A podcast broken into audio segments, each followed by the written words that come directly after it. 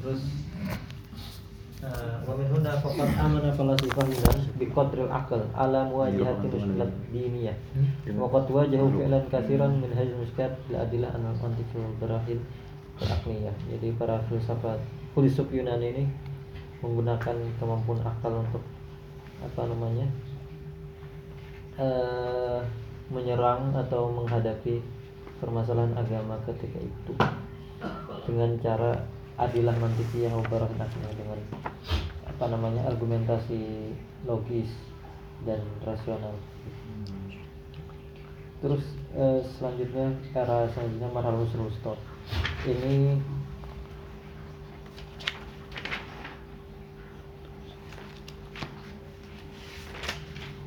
intinya aja.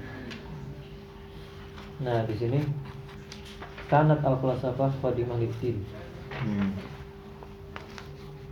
Jadi para Rusto itu set, set mau nanya. Berarti kalau yang Yunani ini dia kayak mendukung gitu ya? Apa namanya? Antara filsafat dengan agama ini ketika itu saling mendukung. Alapanya intinya gitu. iya ada keterkaitan Inti. kuat. Cuman uh, keterkaitannya tuh karena pertama itu ada asasnya ya, karena asatir dininya kayak apa namanya dongeng-dongeng agama masyarakat Yunani ketika itu itu uh, memicu para filsuf Yunani untuk berpikir filosofis hmm. atau mengeluarkan pemikiran-pemikiran filsafatnya. Hmm. Kemudian para filsuf juga mengkritik gitu. Hmm. Jadi ini bukan lebih ke lebih ke ini loh apa namanya penjelasan deskripsi situasi hubungan, hubungan antara, antara filsafat oh. dan agama ketika zaman Yunani. Hmm. Yeah.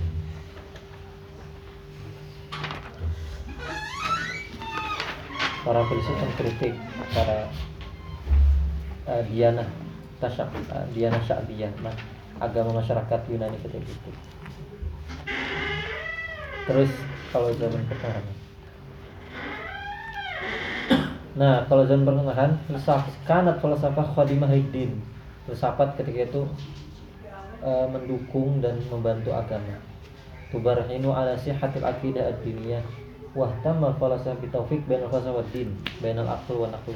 Nah, kalau di zaman Subhanahu ini filsafat membantu untuk membantu agama dan menjelaskan memberikan argumen terhadap kesahihan akidah agama ketika itu dan mengusahakan dan memberikan perhatian para filsuf ini antara taufik dan falsafatin mengkompromikan antara filsafat sama agama. Jadi mengkompromikan itu apa? Mengharmonis mengharmoniskan. Hmm. jadi tidak ada kontradiksi antara agama dan filsafat mengharmoniskan antara akal dan wahyu. Hmm. Misalkan kalau di filsafat Masih Masehi ini Thomas Thomas Aquinas kata Thomas Aquinas innal aqla wal wahya wasilatani min wasail ma'rifah hmm. wa annahuma qad sadara an aslin wahid fa inna Allah huwa alladhi awdal aqla fil insan wa huwa alladhi a'la lin nas aqla ini contoh dari filsuf Masehi. Jadi intinya di sini uh, filsafat khadimah lidin wa naka taufik bainal falsafah wa din hmm. wa al bainal akhl wal wahyi.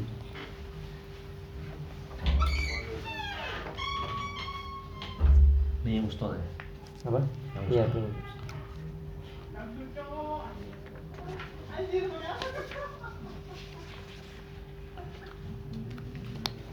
Nah terus kalau di ini.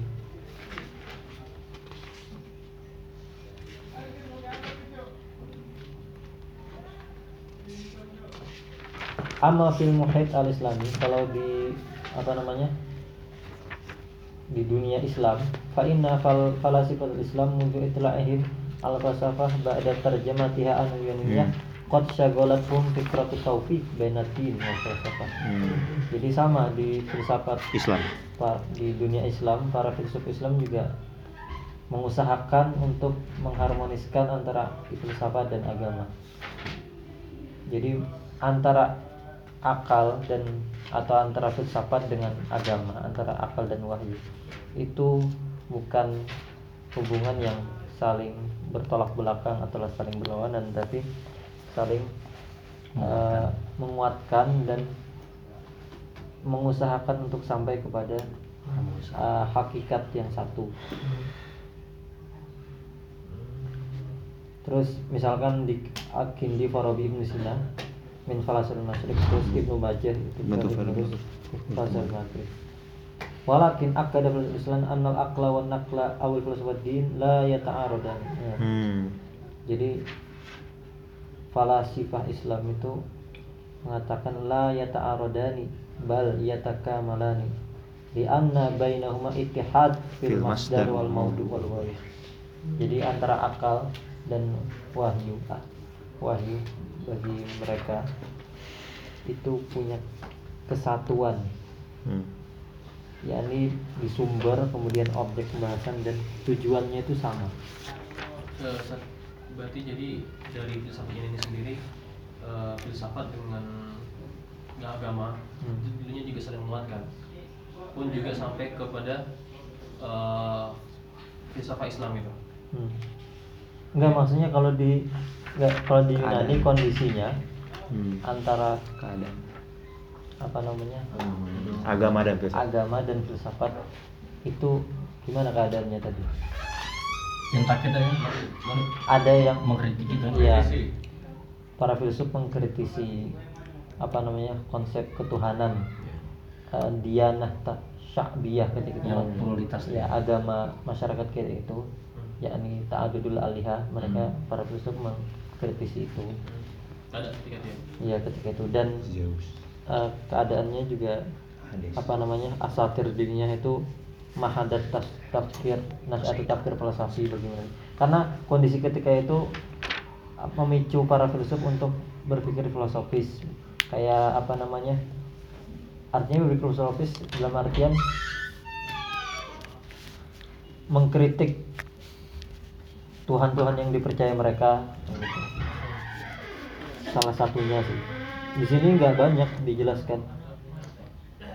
Intinya di sini sebenarnya ada irtibat antara mereka cuman eh, deskripsinya itu para para filsuf Yunani mengkritik agama ketika itu pada konsep ta'adul alihah sama ini ngasih atas syabuliyah jadi ada kecenderungan untuk menyerupakan Tuhan dengan makhluk. Para Yusuf mengkritik agama masyarakat Yunani ketika itu hmm.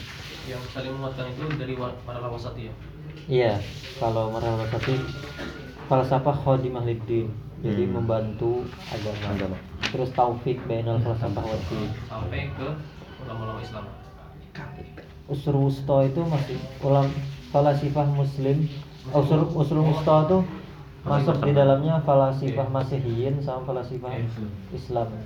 Kayak falasifah masihiyin kayak Thomas Aquinas terus kalau falasifah falasifah muslim kayak Kindi Farabi dan sampai akhirnya jadi intinya di usul wusta ini falsafah khadimah lidin wa munaka muhawalah atau fik baina al falsafah wa din hmm. bainal aql wal wal wal wahyi hmm. da wa al falsafah din la yata'aradani bal yatakamalan tidak saling bertabrakan atau saling apa namanya kontradiksi. kontradiksi tapi saling melengkapi. Di anna bainahuma ittihad fil masdar wal mawdu' wal terus apa? yang dikritik sama Imam Ghazali itu filsafat ketika zaman dulu. Maksudnya? Kan tadi Imam iya. Ghazali mengkritik falsafah. Falsafahnya ya, zaman ini. di zaman ini. Iya. Padahal di sini tertulis la yata arodoni bal yata jadi uh, yang dimaksud Al Ghazali itu pemikiran filsafatnya bukan filsafat secara umum. Hmm, pemikirannya. Pemikiran filsafat yang dikritik Ghazali itu pemikiran tokohnya di beberapa masalah. Bukan mem- meng- mengkritik atau mematikan filsafat. atau cara berpikir filosofis secara keseluruhan. Tapi tapi kan Al Ghazali sebenarnya pemikirannya filosofis Hmm. gimana mematikan filsafat Hmm. jadi yang dikritik Al Ghazali itu di tahap Sifat itu eh, pemikiran filus- filosofis tokoh gitu. bukan apa namanya bukan cara berpikir filosofis jadi hasil pemikiran tokoh kayak Ibn Sina Ibn Rus beliau mengkritik dikritik Al Ghazali pemikirannya gitu Hmm. bukan cara berpikir filosofis Hmm. Hasil. Marhala usur hadis. terus eh, zaman modern ini nah ini zaman modern agak berbeda karena dia eh, ingin menyampingkan agama lah. Hmm. ya. Hadil marhalah istaqalat al falsafah Anil anil lahu lahu tu'an. wa adat ila al ihtijaz bil aql. Jadi misalkan kayak Descartes ya, Descartes. Ilal qaul bi annahu yang bagi alaina alla naqbal syai'an ala annahu haq ma lam yazhar lana amama al aqli annahu kadhalika bi haitsu takhtafi kullu mazanatin lisyak nah di sini filsafat itu menyendiri atau berlepas lah dari membahas tentang lahut ketuhanan. Dan kembali untuk mengitijas apa namanya? Ekspresikan. mengagungkan atau mem- lebih meninggikan akal. Lebih ber apa namanya? Be- membanggakan akal. Makanya Descartes contohnya kayak Descartes. Dia tuh kata dia la yang bagi alaina Allah nakbal syai'an ala anahu haq ma lam yadhhar lana amamal aqli jadi dia hanya menerima Kebenaran. sesuatu yang itu diklaim kebenaran hanya Sesuai dari akal. sesuai dengan akal, sesuai dengan rasio. Kalau misalkan bukan dengan nggak bisa diuji dengan akal, maka eh, filsafat nggak bahas itu, maka dan dan itu bukan kebenaran. Bagi Descartes. Nah ini misalkan Kant, Immanuel Kant. Walama zuhar filsuf Immanuel Kant. Al-Amani. Fasola bainal falsafah wa din Faslan. Faslan taman Jadi memisahkan antara filsafat dan agama Secara terang-terangan ya. Sempurna. Wa qarara anal muhawalat allati tubzal. Yang dikerahkan listikdamil akli fi dairatil lahud muhawalah akimah la tuj- la tujdi syai'an. Katakan kata Immanuel Kant dia memisahkan antara agama dan eh, filsafat. Usaha-usaha untuk yang dikeluarkan untuk yang digunakan dikeluarkan yang di yang menggunakan akal dalam membahas masalah teologi atau ketuhanan itu usaha yang sia-sia atau mandul nggak ada manfaatnya. Nah terus dia hujahnya waqad bayyana istihala al burhanah ala wujudillah bil adillah al aqliyah. Lianna hadil haqiqah takhrud an hudud al ma'rifah al basyarah bi asariha wa tadkhul fi musalamat falsafatil akhlaq karena ke- kemustahilan untuk memberikan argumen wujudnya Allah kewujudan aqliyah. Tuhan dengan argumen yang rasional yang masuk akal karena ini sudah keluar dari dari dari apa namanya pengetahuan manusia bagi dia Hmm. bagi kan Wa tadkhul fi musalamati. Watadukul fi musalamat pasal Hmm. maksudnya tadukul musalamat pasal itu apa? Jadi ya apa namanya? Bukan pembahasan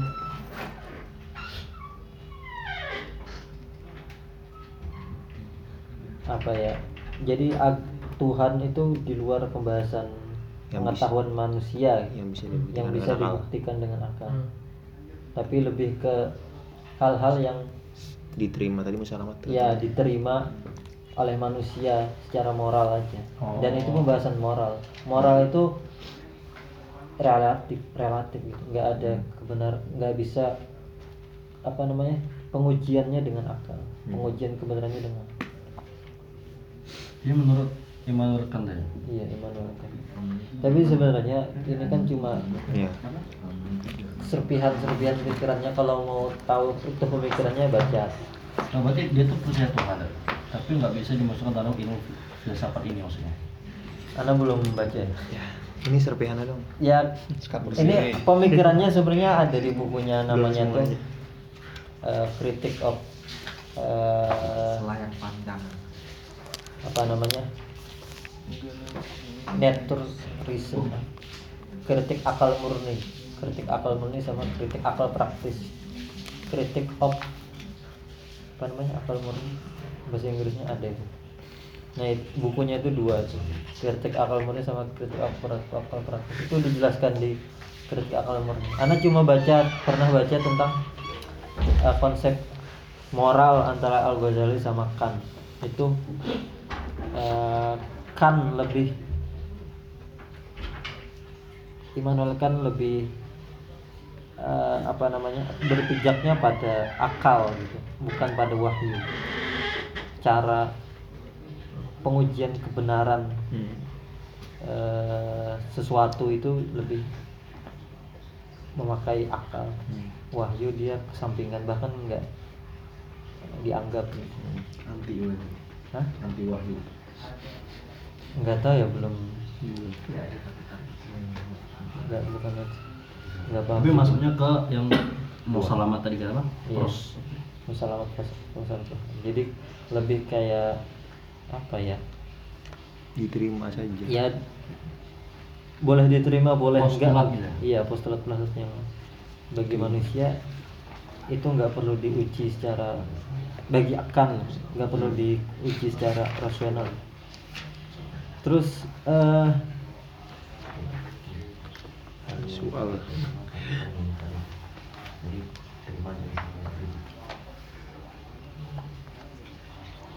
Ini dari dokter aja soalnya. iya dari dokter. Ada dua soal. Hubungan. Dokter. Hal al falsafah wa din idza kana bainum irtibat wasik fa hal hadza ya'ni annahu masya'an wahid? Am ya. bainahuma ba'du wajib ikhtilaf. Terus apakah kalau misalkan dikatakan antara filsafat dan agama itu ada hubungan erat Hmm. fahal hadza ya'ni annahuma syai'un wahid Hmm. apakah dua-duanya itu adalah satu satu. satu kesatuan. iya atau dua-duanya punya Oh iya punya Segi perbedaan perbedaan. segi perbedaan. Nah, kalau misalkan Iya kan al-ghawasi kebenaran bersabadin Pakai panas tadi anu fasir ma qad harus binama min adain nah, fi badal usur wal murakkafirin. Hmm. Misalkan dikatakan ada kedua. ada ad- eh, hubungan mereka erat, kenapa ada apa namanya?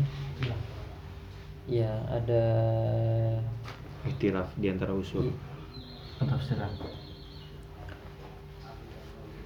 bagaimana sih an? Pakai panas tadi anu fasir ma qad hadasa Bainahuma min adain.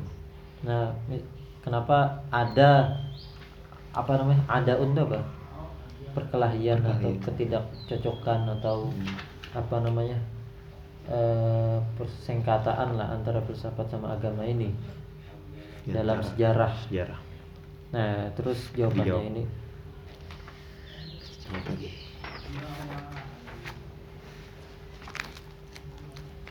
Innal khalqa wad din ala rabbi min umkil irtibat bainahuma illa annahuma laisa syai'an bi syai'in wahid bal huma syai'ani mukhtalifani bainahuma ba'du awjuh ittifaq wa kasir wa kasir awjuh ittifaq. Nah, jadi mereka bukan syai'un wahid tapi dua-duanya punya segi persamaan dan perbedaan. Nah, ini awjul ittifaq ada berapa nuktoh? Satu, Ada du- dua. dua terus ojol Ojol ada ada satu, dua, tiga. Ini apa lagi? Iya. Nah, ujul ittifaqnya altifak fil maudu jadi filsafat sama agama tuh punya kesamaan di objek pembahasan altifak fil maudu alladhi yu'alijuhu kullun minhuma Nah, jadi mereka punya kesamaan objek pembahasan Hmm. misalkan fi masail qadai qadiyatul uluhiyah wa alaqatul ilah bil alam wa asul insan wa masir wahdatul afal nah misalkan qadiyah uluhiyah objek pembahasan sama yang dibahas Tuhan yang dibahas manusia sama ada kesamaannya cuman kan Kode itu apa maksudnya bisa? persoalan pembahasan Masalah. masalah Proposisi. Oh gitu. Problematis Terus uh, al-ittifaq fil gharad. Al-ittifaq fil. Jadi persamaan di tujuan. Kilahuma yarmi ila tahqiqi sa'adah al-insan. Dua-duanya tujuannya untuk mewujudkan sa'adah insaniyah, kebahagiaan Manusia.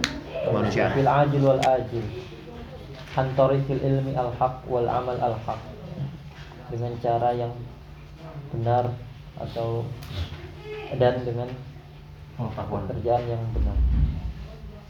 Ka- misalkan nih Ibn Rus dalam ininya bukunya Fasul Maqal fi Mabaina Syari wal Ismail min al Nah, ini. Wayam bagi an na'lam anna maqsud syar'i innama huwa ta'limul ilmi al-haq wal amal al-haq wal ilmu al-haq huwa ma'rifatullah ta'ala wa sa'ir mawjudat ala ma hiya alaihi wa bi khassas syariah minha wa ma'rifatu sa'al al-ukhawiyya wa sifat al wal amal al-haq wa ismarul af'al allati tufidu sa'adah wa tajnibul af'al allati tufidu shifa wal marfah jadi dua-duanya punya kesamaan di tujuannya untuk mewujudkan sa'adah insaniyah fil ukhra fil ajil wal ajil. Antarikil ilmi al haq wal amal al haq nah itu dua kesamaannya di maudu Maudu dan gorot. Maudu gorot. di objek Dan yang hadaf. dibahas dan tujuannya objek yang dibahas sama cuman nanti hasilnya kesimpulan mereka beda-beda Dia punya objek yang dibahas sama. Iya, sama misalnya misal ya filsafat sama agama itu kan jalan kan untuk mencapai atau mengusahakan sampai kepada kebenaran haknya. Misalkan Tuhan dibahas oleh para filsuf. Sama kan? Dibahas juga oleh para Mutakallim. kalif dibahas juga oleh para sufi. Cuman cara mereka beda. Kalau sufi itu pendekatan mereka pendekatan irfani Hmm. pendekatan Tuhan. hati Bukan akal kan? bukan akal makanya ilmu kalam itu Terakhirnya.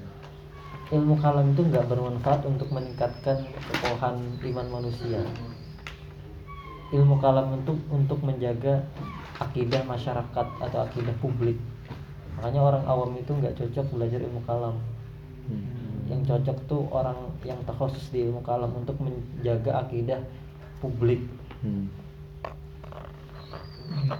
karena ilmu kalam itu pembahasannya akliyah rasional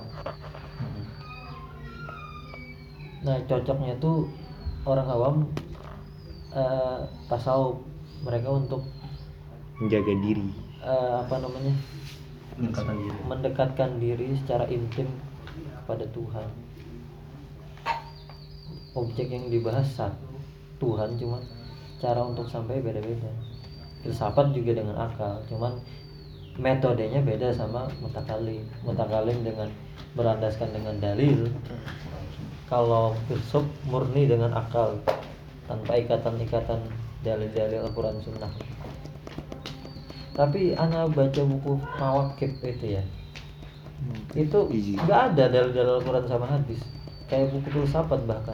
Bah- tapi itu buku akidah asyari. Asyari murni akal dia. Jadi ada juga kecenderungan orang mutakalim yang eh, lebih filosofis gitu. Hmm. ya gitu aujul ikhtilaf segi ini ya apa segi perbedaan Perbedaannya. perbedaannya tuh nah ini Panastati'an wakid ala anna bainahum ikhtilaf min haitsu al masdar wal manba wa kadzalika bainahum ikhtilaf fil manhad wal. Nah, jadi secara masdar, secara Sumber. sumber itu berbeda dan secara manhaj wal goyah goyah itu kan gord ya metode juga berbeda beda gord sama goyah itu apa nanti dibahas Beda. Ah, beda. Beda beda. Hmm, ada. Berat. min haisul masdar fa inna din masdarhul wahyu wal al ilahi. Nah, al ma'sum min al khata. Amal falsafah masdarhu al aqlu al insani. Alladhi yakunu daiman ma'ridan lil khata. Ma'rid lil khata. Kalau din itu? Asal sumbernya dari wahyu. Hmm. yang maksum dari khata maksum itu apa Terjaga. terjaga dari kesalahan tapi teksnya memang terjaga dari kesalahan cuman tafsiran ulama terhadap teks itu Berbeda. kalau memang teksnya itu zonir dilalah Hmm. itu kobilin nikos wa naqd Hmm. terbuka untuk Kritik. dikritik jadi nggak ada tafsir yang mutlak untuk ayat-ayat yang zonir dilalah Hmm. Jadi antara ulama tuh berbeda tafsir kalau memang ayatnya zonir dilalah sah sah aja Hmm. Terus amal falsafah masdarul akal al insani. Iya filsafat asal muasalnya dari sumbernya dari akal manusia yang ma'arif lil khata yang cenderung untuk bisa salah gitu. Terus eh nih. Wa huwa jadil mujaki anna hadzal ikhtilaf bainahuma fil masdar la yuaddi ila tanazu'ihima Dzalika li anna al-wahya min indillah wal aqsu qabsun min nurillah. Ala hadith ta'bir Imam Ghazali. Hmm. Kata Al-Ghazali, walaupun dua-duanya berasa berbeda dari segi sumber, cuman dua-duanya tidak menyebabkan tanazu, tidak menyebabkan apa namanya? ya kontradiksi antara dua-duanya gitu. karena dua-duanya ini berasal dari Tuhan akal itu berasal dari Tuhan titipan? Kopsen itu apa namanya Pemberian ya? kayak percikan cahaya dari Tuhan lah. intinya akal itu berasal dari Tuhan akal itu bag anda baca di ini ya di Ihya akal roh kemudian kolab it akal roh kolab sama nafas. Empat istilah ini menunjukkan pada entitas yang sama pada sesuatu yang satu. Cuman pemakaiannya aja berbeda dalam setiap konteksnya. Akal itu kalau dia ngebahas tentang hal-hal yang bersifat rasional. Hmm. Nah, terus kalau nafas itu kalau dia berhubungan dengan eh, badan. Ada istilahnya nafas mutmainnah nafas lawamah nafas amar bisu. Hmm. atau bisa juga nafas berhubungan ketika eh, ketika berbicara tentang hakikatul insan. Hakikatnya hakikat, hakikat insan itu adalah jiwa yang yang yang berasal dari Tuhan. Terus kolab kolab itu kalau berhubungan dengan apa namanya? Yang sifat bersifat perasaan. Nah semuanya ini empat kata ini sebenarnya intinya satu. Kalau roh? Roh itu ya roh itu ber, kalau berhubungan dengan hal-hal yang gaib kalau nggak salah. Atau yang kalau berbicara tentang hari akhir atau asal muasal manusia. Tapi empat kata ini sama artinya. Artinya itu ya sesuatu dalam jiwa manusia yang sifatnya ruhani yang sifatnya non materi kita ada jasad ada ruh atau juga ada nafas jadi manusia ada aspek rohani ada aspek jasadi. Nah aspek rohaninya nih ya yang disebut ruh yang disebut nafas yang disebut aklu yang disebut kolab Hmm. terus eh, dari perbedaan cari manhaj ya. Fa'inul huza ta'nil midu al manhaj al aqli al bahat itu yang bener al manhaj al aqli nunnya tuh kayaknya enggak Sebah. jadi yang tuh nggak dunia nggak ada metodologi rasional. Al-aqli al-bahat ya. secara murni. Oh, apa? bahat tuh ya murni kholis. Hmm. Al manhaj al aqli al bahat jadi ya jadi patokannya itu memang metodologi akal murni untuk filsafat. Amma din fa innahu yajma' baina mukhatabat al-aqli wal qalb wal isdan wa min huna fa huma yahtarifani min haitsu man. Nah, kalau din itu mencampur mencampur semua menggunakan semuanya, menggunakan akal, qalb sama wisdan dalam apa namanya? dalam metodologinya. Wisdan tuh apa ya? Kalimat apa? Wisdan itu eh apa ya? Kayak perasaan Insting. insting ya. Eh, Iya ya, insting. Insting. Wisdan Wisdan Mukhotobahnya kalau agama ya semua eh, semua potensi yang ada di dalam manusia itu dipakai oleh agama. Dalam misalkan kayak iman itu kan nggak bisa di ini apa namanya eh, pakai manhat akli. Orang beriman itu karena dia percaya dengan hati bukan percaya dengan akal. Akal di ilmu itu untuk meneguhkan dan apa namanya meneguhkan meneguhkan meneguhkan keimanan. Tapi imannya itu sendiri berasal dari kolab berasal dari hati. Banyak kan orang ateis mereka ahli ilmu kalam tapi mereka belum beriman. Karena hatinya belum menerima. Nah.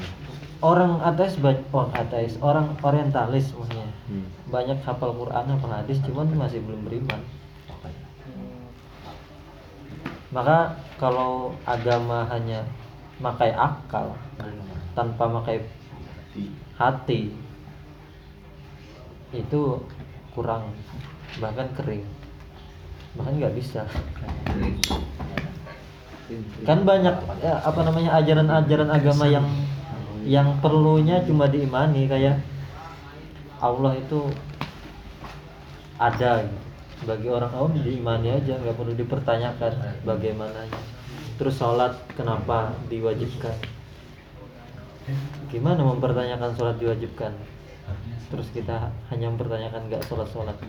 Pasti itu taslim. Iman itu taslim. Apa namanya? Penerimaan hati. Makanya di akidah asyairah kan iman itu di dalam akidah asyairah cuma ukurannya cuma tasdikun bil qalbi Hmm. ikrarun bilisan itu bukan syarat iman itu ikrarun itu cuma ikrar ikrarun bilisan atau menyebut asyhadu alla ilaha illallah itu supaya uh, dia disebut muslim Hmm. dalam konteks ilmu fikih Hmm. sementara apa namanya amalun bil arkan itu syaratu kamalil iman Hmm. bukan juz'un minal iman Hmm. Ya. Makanya kalau akidah Asy'ariyah sangat berat untuk melabeli orang kafir. Karena kafir itu hubungan dia dengan apa namanya? eh, hakikatnya ya. Hakikatnya hakikat. sebenarnya hubungan dia dengan Tuhan. Hmm. Walaupun kafir itu dalam fikih ukurannya emang eh, Ada apa namanya? ada ukurannya di bidang fikih. Tapi kafir secara fikih bukan kafir secara hakikat. Karena barangkali bisa jadi orang yang eh, dia kafir secara fikih, Tapi, tapi dalam hatinya. dalam hatinya nggak ada yang tahu. Hmm. Atau sebaliknya, orang yang kelihatannya sholat tapi dia belum beriman. Gitu. Hmm. Makanya As- Asyairah tuh mengatakan iman itu atau amal soleh itu bukan bagian dari iman. Itu akidahnya orang khawarij. Hmm. maka orang khawarij yang nggak sholat atau yang apa namanya melakukan dosa besar itu kafir. Hmm. khalid finnar. Asyairah enggak itu bagian dari kelengkapan. syartu kamal iman. Penyempurna iman. Makanya agama itu emang menggunakan semuanya. Gitu. Bu- buka baca. Antum baca buku baca kalau sakit jorok tauhid itu semuanya sama buat pembahasan. Jadi itu kan bahas. Iya nih gara-gara bahas nih. Dia yang bikin ini bikin orang lagi. Master eh, ya lanjut lanjut. Lanjut lanjut. Eh, min haisul goyah Fagoyatul din hiya al-fawzu biridallah subhanahu wa ta'ala Amma goyatul falsafah hiya goyah dunyawiyah Tahdiku ila marifatil haq wal khair Apa bedanya gorot sama goyah? Goyah itu apa ya? Tujuan. Tujuan akhir kayaknya ya kalau goret maksud Maksud ya? Oh iya, goyah itu tujuannya Maksud maksudnya hadaf ya berarti Goyah Iya. itu Goyah. Al-hadul ladhi wasalat ilaihi Al-hasil Ini dari dokter ini masalah apa apa Ah. apa ya Al-hadul wasalat ilaihi Awi au al-hasil Goyah itu Tapi Al-hadul ladhi wasalat ilaihi Goyah akhir kan berarti Kalau apa kok masalah Kalau goret itu lebih Wasalat. ke Apa ya dia Goret itu apa? Kalau goret kan Iya. Gimana? Intinya beda berarti ya, goret sama had, goret sama goyah. Maksud. Ah. Goyahnya beda kalau din itu maksud al-fawzu Jelasin Goyah falsafah, goyah duniawiyah. Goret itu belum nyampe ya Kalau goyah itu ketika udah Oh iya. Goyah itu berarti tujuan akhir gitu ya.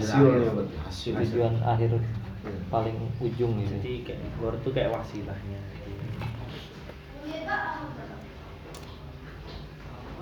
mana berada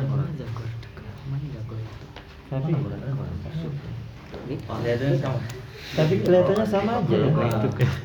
Iya. Sama aja kan ya? sama aja Ya gitu lah. nah ini asas apa ini abah sampai ya Ah, terus ini ya.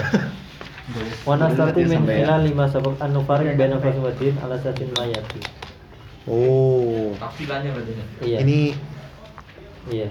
dasar dibedakannya agama dan falsafat Iya. Falsafah ma'rifah akliyah jamidah takbahu fi dhihni. Takbahu fi dhihni walaysat laha basyashah tufatul qulub wa tunadi an-nufus. Intinya filsafat itu cuma pengetahuan eh, rasional Rasional doang. dan kering hanya eh, diperuntukkan untuk di dalam zihir zihan ya itu aja nggak ada sama pautnya Iya dengan sesuatu dengan akal. Terus yang kedua al falsafah itu mari nasyatu fi janib wahid min janib nafs. Wa al janib al aqli. janib alakli Jadi falsafah cuma di aspek rasional. hmm. Wadin yastahwid ala nafis jami'an. Kalau agama itu eh, menggunakan atau mem- menggunakan bantuan seluruh eh, potensi yang ada dalam manusia semuanya. Bimana annahu yufatib al kainuni al bashariyah min jami'i nawahiha dalam segala aspeknya min badihatul insan wa aqlihi wa atifatihi wa wujdanihi.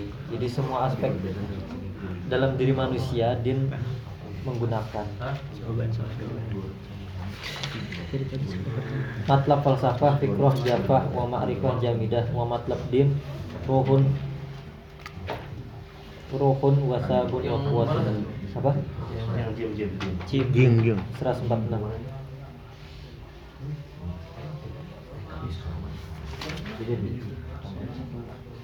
yang diinginkan dari pemikiran filsafat itu ya pemikiran yang kering dan jamidah itu apa? Jam baku baku. Baku. Sebenarnya Baku. nggak juga. Pemikiran filsafat tuh nggak cuma bahkan dinamis. Hmm. makanya nah agak kurang setuju maksudnya apa gitu ma'rifah jafa ma'rifah jamidah kayaknya lebih ke karakteristik pemikirannya ya Hmm. atau tabiat pemikirannya yang kering gitu nggak ada sangkut pautnya dengan roh Hmm. aspek roh Hmm. tapi kalau pemikiran filosofis itu ya dinamis dinamis ya Ruhun wasab apa? ruhut wa Ruh. Ruh wasab tuh apa ya? anak belum tahu. Ruhun wasabun tuh apa Sab. wasab.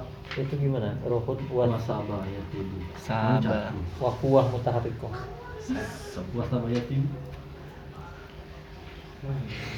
mani mani. Adul adul adul. Ya itu di inilah. Terus eh, adin goyatuhu amaliyah. Hatta fi kismihi an nah Nah, kalau emang agama tujuan akhirnya untuk diterapkan. Walau kata di pembahasan yang secara teoritis pun tujuannya akhirnya untuk diterapkan.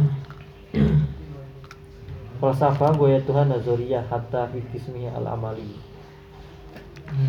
teori juga Maksudnya ya gimana? Wajihatuddin amaliyah asolatan wa wajihatul falsafah bil asolah nazariyatan. Secara asal memang aspek eh, agama itu Hmm. untuk diterapkan. Hmm. Tapi secara asal filsafat itu Teori. teori teoritis. hmm. Jadi kembali ya. Hmm. Gimana tuh? Gimana? Wijhatuddin amaliyah asolatan wa wijhatul falsafah bil asolah nazariyatan. Secara asal din itu lebih ditekankan untuk aspek diterapkan dalam kehidupan. Hmm. Nah, tapi kalau filsafat secara asalnya memang dia teoritis. Agama itu kan diterapkan dahulu baru dibuat teorinya. Hmm. Agama Islam itu kan apakah sudah diteorikan pada zaman Rasulullah? belum Belum kan? belum ada Nah, usul belum Yustad ada Oh, kebalikannya ya. Iya kebalikan. Kalau filsafat itu kan memang Bikin teori dulu. bikin teori dulu. Baru nanti dicoba di dipraktikkan di kehidupan nyata. Dan itu pasti ada kritik lah setelah-setelah. Terus berkembang dinamis terus al falsafah tamilu ila uzlah uzlah din yanzilu ila tadafuq wal ittisal kalau filsafat itu lebih condong ke uzlah uzlah itu apa namanya? Isolasi diri dan istilah apa namanya eh, berada di ketinggian eh, pem- pemikiran lah maksudnya dia melangit nggak membumi Hmm. secara ini lah secara karakteristiknya Pemikirannya apa ya? Yang lain. ini ya filsafat itu sendiri secara Hmm. karakteristiknya lebih condong ke mengisolasi diri dan karena memang sulit para filsuf itu berpikir diri. dalam keramaian tak menyendiri berarti biasanya kontemplasi bahkan filsuf kayak Imam Ghazali itu Introvert. 10 tahun dia ini posesif 10 tahun beruzlah beruzlah Descartes juga Immanuel Kant juga Masuk. Siapa lagi? Introvert beliau. itu mereka orang-orang yang nggak cepat-cepat memutuskan kesimpulan. kemudian makanya butuh waktu untuk uzlah untuk uh, berpikir. Dan, dan pemikirannya kan setelah uzlahnya itu banyak diterima oleh masyarakat. Tadafuk itu apa? Wal itisol tadafuk itu apa? Tadafuk. Kalau dafkoh kalau di Vicky kayaknya ini. Satu apa namanya? Satu kali gitu. Kalau tadafuk gak tau eh apa ya? tadafuk itu bahasanya kayak Apa coba? nanti dicari lah anak takut kesalahan Hmm. cari aja. Nah, intinya itisol tuh eh, kalau agama lebih condong untuk adanya relasi di antara masyarakat di antara manusia jadi untuk turun ke bumi untuk turun ke masyarakat Oh ini kayak cepat gitu kayaknya. apa Cepet. Cepet apa? Cepet direalisasikan gitu. apa artinya Seroan. Asroan. oh gitu Kan kalau tadi kan kalau yang filsafat kan lama kan usulnya kan. Hmm. Biar dapat teori yang bagus. Iya. Kalau ini kayaknya langsung diterapkan gitu. Bisa. Hmm, ada. Masuk, masuk. Iya. Masuk, masuk, masuk. Salah satu tafsiran Iya. Dari Bisa bisa bisa, bisa dikritisi. Tafsiran kearifan lokal. Ini Zenio Dilala. Eh, iya Bisa bisa dikritisi. Zenio Dilala. Tafsirkan masing-masing. Iya, lanjut. mobil lili kars. Adin asasuhu al wahyu al ma'sum wal falsafatu ala sani al qasir al jitah ini kayak sebelumnya Sebelumnya. Adin hakikat hakikat sabitah la takbaru at-tatawur au at-taghayyur ya annahu wahyullah al-kamil itu intinya adin tuh hakikat sabitah beda din sama ya sama mazhab ya. Yang kita Ya, ya benar. ya ad-din itu kan ini apa namanya agama yang ya, hal-hal yang apa ya kalau di dalam usul fikih itu yang sawabit yang Atau fikih. yang nggak ada tafsir lain Hmm. Din itu kan akidah akhlak sama syariat Hmm. din itu kalau di Al-Quran sama hadis apa namanya uh, ayat-ayat dan hadis-hadis yang qat'iyud dilalah sama qat'iyus subut dan itu sedikit apa aja akidah misalkan di akidah Allah itu satu itu din. Kul ahad.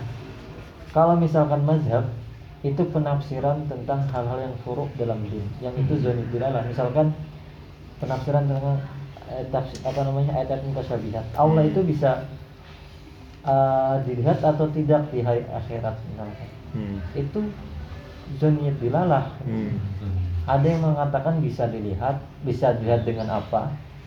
Kata kata orang asyairah bisa dilihat dengan ainul basirah wa, Hmm. ain, wa ainul basirah gitu. Dengan mata telanjang dan dengan mata hati. Tapi muktazilah beda. Nggak bisa dipan nggak bisa dilihat gitu. Dan argumennya dengan Al-Quran juga gitu. Kita nggak ada yang tahu yang benar antara dua ini. Dan ini bukan bagian dari, dari agama gitu. Mazhab tapi ya. mazhab apa bisa kita bilang agama itu dogma? Kan tadi dogma di sini jelasin sesuatu yang tidak ada penafsiran lain gitu. ya bisa jadi. Dogma. Kalau secara iya kalau dalam makna dogma itu eh, nggak ada penafsiran lain yang sifatnya harus diimani gitu kayak misalkan kayak apa namanya kewajiban sholat itu agama. Tapi cara-cara sholat kemudian waktu bagaimana kaifiatus sholat itu kan bermacam-macam sesuai mazhab akhlak itu kan nilai-nilainya seluruh manusia. Kayak dilarang mencuri harus jujur komitmen kemudian hal-hal yang apa namanya dalam Islam itu memang eh, nggak ada penafsiran lain lah. Nggak boleh mencuri nggak boleh durhaka segala itu agama. Tapi perinciannya nanti beda-beda. Kalau misalkan di hal-hal yang ada perdebatan misalnya. Kayak misalkan Syiah itu kan Islam. Walaupun mereka cuma sholat cuma tiga waktu. Hmm. penafsiran terhadap ayat yang apa namanya? Waktu wa aqimis misalnya. sholata liduluki syamsi ila. Apa? Wa aqimis sholata liduluki syamsi ila. Gulasakil wa qur'an al fajr itu tiga waktu. Hmm. itu makanya mereka menafsirkan sholat itu tiga waktu. Dan apakah itu salah secara penafsiran? Itu kan ayatnya zon zoniyat dilalah apakah mereka keluar dari Islam? Enggak. Ini berarti bukan agama tapi mazhab. Agama itu ya yang tanpa tanpa ada tafsiran lain. Kalau misalkan agama atau ayat-ayat yang kotir dilalah itu dilanggar nah itu keluar dari agama. Allah itu kata orang ateis misalkan kata orang muslim yang ateis Allah itu tidak satu tidak esa. Berarti melanggar dogma-dogma agama atau hal yang sawabit dalam agama melanggar agama kafir secara fikih Hmm. maka dihukumi dan di apa namanya diperlakukan seperti orang kafir Hmm. dalam fikih Bukan secara ini, tauhid. akidah nggak ada yang tahu Nggak ada yang tahu kan karena dalam- iman itu urusan tadi ya. kolab antara Tuhan dengan hamba Berarti kita tuh cuma bisa mengkafirkan orang secara fikih. Iya. Fahmun. Fahmi. Gimana gimana aja. Fikhul alim. Fikhul alim. Ayo ya. Iya, iya. Fikhul alim. Hadir sini hadir hadir. Nah, ini mau fahmun ini hamil ya. Karena fikihnya mantap. Ini fikih fikihnya. Terus al mauqif al falsafi la yastaqdimul aqal bila hudud duna sabik iltizam di mabda au fitrah. Jadi pemik- pemikiran filsafat itu ya menggunakan akal tanpa Batasan. tanpa batas kayak orang-orang fils- filsuf ya. dan mereka nggak punya apa namanya dasar berpijak sebelumnya murni dengan akal itulah Terus alamuddin au rajul lahud alim ad-din au rajul al-lahud yabda bahsahu minal aqwaid al-musallamah.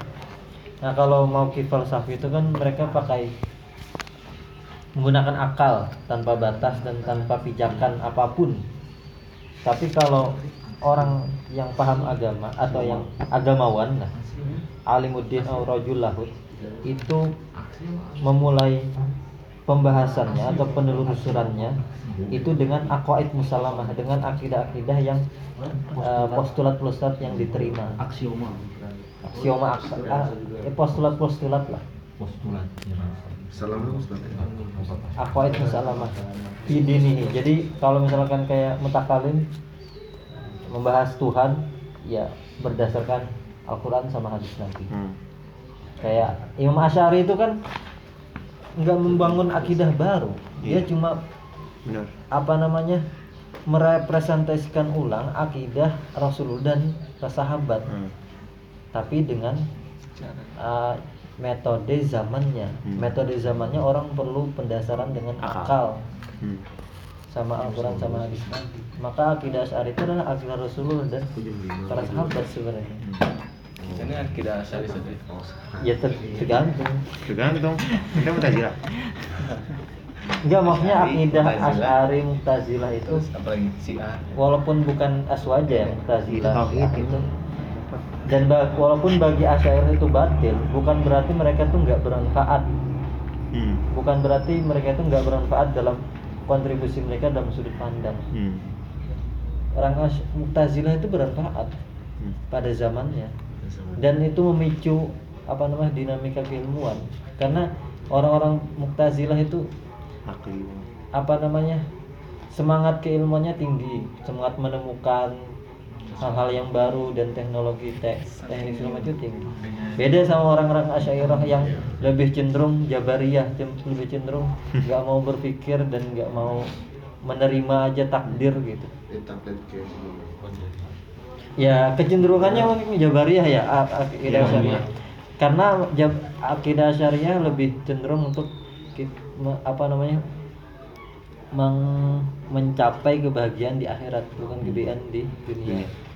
Kalau ak- Mu'tazilah sama Syiah itu untuk kebahagiaan di dunia eh, cenderungnya gitu Dosen Anda bilang pernah gitu, makanya orang-orang Barat sama orang-orang Syiah itu di Iran itu kan Syiah itu cenderung Mu'tazilah ya. Hmm. Itu secara keilmuan sama sains lebih maju daripada orang-orang yang dunia asal dunia apa negara-negara yang akhirnya asyairah. Penemuan-penemuan itu penting orang-orang Indonesia harus mereka juga ibadahnya kenceng ya. Maju bukan? Orang Mu'tazilah itu ibadahnya kenceng ente. apa? Ibadahnya Ayo. ibadah ibadah maksudnya apa? Sholatnya gitu itu kenceng Tafwil, kan mazhab fikih. Iya.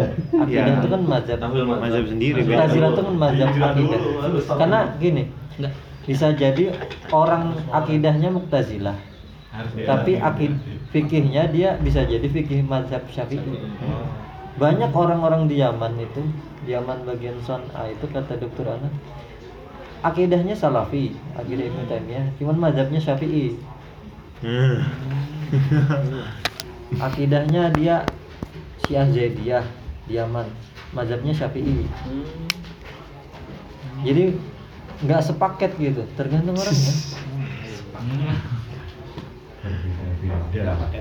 nggak orang misalkan Asyairah otomatis Syafi'i nggak juga tergantung dianya gitu ada kan orang-orang Syafi'iyah tapi dia Salafi Ke mana ada eh, mazhab akidahnya Hambali. Iya. Fikihnya Syafi'i. Kembali. Hambali akidah apa? Akidahnya Adam dia mengakui ya Hambali. dia dia ahlu sunnah jamaah cuman lebih condong ke Akidahnya apa? ini istilahnya tuh asariyah gitu Asari. Kembali ya bang. Hanabilah. Jadi mengambil akidahnya apa? bukan bukan Bukan akidah hambali Hambali. tapi akidah Yang diikuti oleh ya ibnu Hanbal Nah itu dari taklid itu. Hambalinya apa? Asari apa? Mu'tazilah apa? berarti? Nah, jadi taklid dari ya itulah Ya, lanjut. Hanabilah. amal filsuf fa innahu yabda basahu ghairu multazim au khadi' ila aqidah muayyanah au hakaza yang bagian yakuna misal jadi orang filsuf itu enggak tunduk ke akidah tertentu gitu Eh, terus soal asani Jadi ini dari jawab soal pertama ya. Iya. Panjang banget gila. Oh iya, suasana ini. Wah, eh, apa soalnya? Yang tadi, akidah kan ala benaskan nufasir. mufassir. Ma qad hadasa bainahuma min ada'i fi ba'dil usur wal marahil Nah, jadi tafsirannya gimana kalau misalkan kelihatannya sepanjang sejarah ada perkelahian antara kan ah, antara filsafat sama agama itu. Ma waqat wa qabaina filsafatin min ada ba'dil ahyan. Fanahnu nu'akkid ala anna hadzal ada allazi hadath bainama laisa adaan jauhariyah jadi bukan kan apa nama adaan jauhariyah bukan apa namanya? Eh, perkelahian atau pertikaian. secara substansial. Tapi itu lebih ke istilah baina tariqihima fi tahqiqil ghayah al marjuah wa hiya al usul ila haqiqah ada wujud ta'aruf hakiki bainal filsafih jadi lebih eh, dilihat dari sudut pandang mujarad ikhtilaf baina tariqaihima fi ghayah perbedaan jalan yang ditempuh oleh filsafat dan agama dalam mewujudkan eh, tujuannya dan sampai kepada kebenaran. Nah, terus argumen yang lain, mimma yu'akid adama wujud ta'aruf hakiki bin usadin annana najid annal aqla alladhi huwa adatul falsafah hibatun minallah insan lima jadi mustaqim minhu. Nah, jadi nggak ada ta'aruf hakiki bin usadin karena akal itu ya hibah minallah lil insan lima yuzabihi mustarsidan bihatihi wa minan nahid ukhra fi wahya aidan hibat minallah lil insan li hidayatihi wa irsyadihi fi dunya wa akhirah. Ya dua-duanya itu berasal dari Tuhan hibah minallah. Hmm. tapi akal ini gunanya apa namanya sebagai eh, pembeda dan istilahnya sebagai inilah apa namanya obor. Tapi agama itu sebagai mata yang melihat. Jadi eh, obor tanpa mata yang melihat nggak bisa melihat. Nggak nggak bisa melihat tapi kalau misalkan mata dalam Tanpa kegelapan obor. tanpa obor nggak bisa juga melihat. Jadi dua-duanya saling Berkesinambungan. iya saling melengkapi. Dua-duanya itu saling mengukuhkan. Nah kalau misalkan dua-duanya dari Tuhan akal sama wahyu dari Tuhan. Wa idza kana masdar wahidan fala yumkin an yakuna hunaka tanaqud Au niza baina wahyi. bainal wahyi. Allazi huwa min Allah wal aqal allazi huwa min Allah aidan.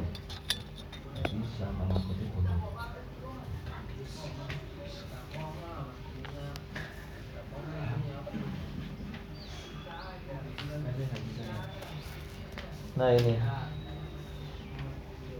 Eh kata Al Ghazali bi annahu namujat min nurillah. Fakullun minal aqli wal wahyi yukamil al akhar wala yumkin wat'ul al masalah ala asasin anal insan fi mawqif ikhtiyar bainal din wal fasa wa bainal akhir kal insan fi hajatin ilaihi ma ma'an wa din asahi la yamna al aqla al bashari min tafalsuf wa min haqi fil fahmi wa tafkir malakutillah Nah, jadi intinya intinya adin wal wahyi apa?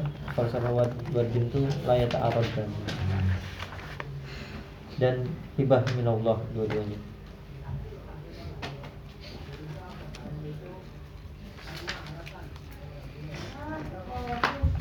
Dari mana jawabannya? ini. Anna hadzal ada alladzi hadasa bainahuma laisa ada an jauhariyah jadi kalau misalkan ada terlihat seperti kontradiksi antara filsafat sama agama itu bukan eh, adaan jauhariyah bukan persengketaan atau perkalian secara substansial. Tapi lebih kayak di sini dijelaskan ikhtilaf baina tariqaihima fi tahqiq jadi apa namanya perbedaan jalan Wasilah. untuk sampai kepada Goyah. goyah kayak misalnya apa namanya konklusi tentang wujud Tuhan menurut mutakalim sama filsuf Sama. muslim itu sama Hmm. di permasalahan misalkan apa namanya wujudullah kata Ibnu Sina wujudullah itu adalah al wujud al haq al mutlak kata mutakalimin juga cuman filsafat ini oh, para filsuf ini cara menempuhnya dengan akal murni. Hmm. tanpa bantuan wahyu.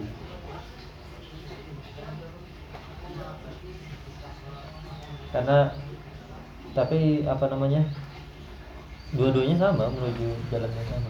Nah tapi ketika jalan itu dilihat secara proses itu memang kayak seperti ada perbedaan apa ya kayak ada pertentangan lah kayak enggak pokoknya kalau anda lihat ya filsuf Ibnu Sina tuh kayak eh, dia membagi merincikan tentang wujud Tuhan itu eh, lebih rinci daripada mutakalim. Jadi wujud Tuhan itu eh, bertingkat-tingkat gitu. Tingkat paling tinggi itu adalah wujud mutlak. Kita ini wujud jel- apa cerminan wujud Tuhan juga, tapi cerminan wujud yang ma'al ghair gitu. Hmm, jati. Alam manusia itu adalah cerminan eh, cerminan Tuhan, cerminan wujud Tuhan. Karena apa namanya wujud yang mutlak itu adalah Allah gitu. Hmm. Manusia itu adalah kayak apa? Inilah cerminan tuh kayak Asal. Nah, ya manusia sama alam itu adalah yang nampak dalam cermin. Sedangkan Tuhan itu adalah yang yang bercermin. gitu. Hmm. Wujud apa namanya? Ya, ya. Wujud wujud itu hanya satu sebenarnya, Tuhan. Tapi Hmm. cerminannya itu bermacam-macam. Hmm. Nah, kalau filsuf itu pembahasannya Banyak lagi lebih rinci, tapi intinya sama kan wujud Hmm. Tuhan itu satu. Wujud yang mutlak yang satu itu hanya Tuhan. Hmm. Cuman cara cara menempuhnya tuh beda-beda. Kita tuh wujud, cuman wujudnya tuh bukan wujud di di zatihi tapi gitu. Jadi wujud makanya ada sufi mengatakan anallah wa anal haq itu. Karena dia menganggap wujud yang benar-benar wujud ya. itu hanya Tuhan dalam kerinduannya keintimannya dengan Tuhan ketika itu. Wah, coba Kelihatannya kan ini ada ada ada apa namanya pertentangan ya. Hmm. Tapi tujuannya sampainya sama. Wujud Tuhan yang satu bagi penempuh jalan filsafat sama agama sama. Gak ada tanakut hakiki gitu.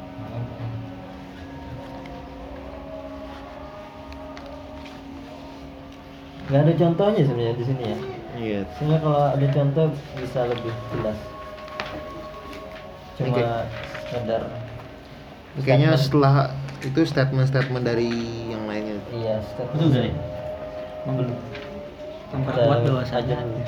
ini ada Iya. ini bukan ada jauhari eh gimana ada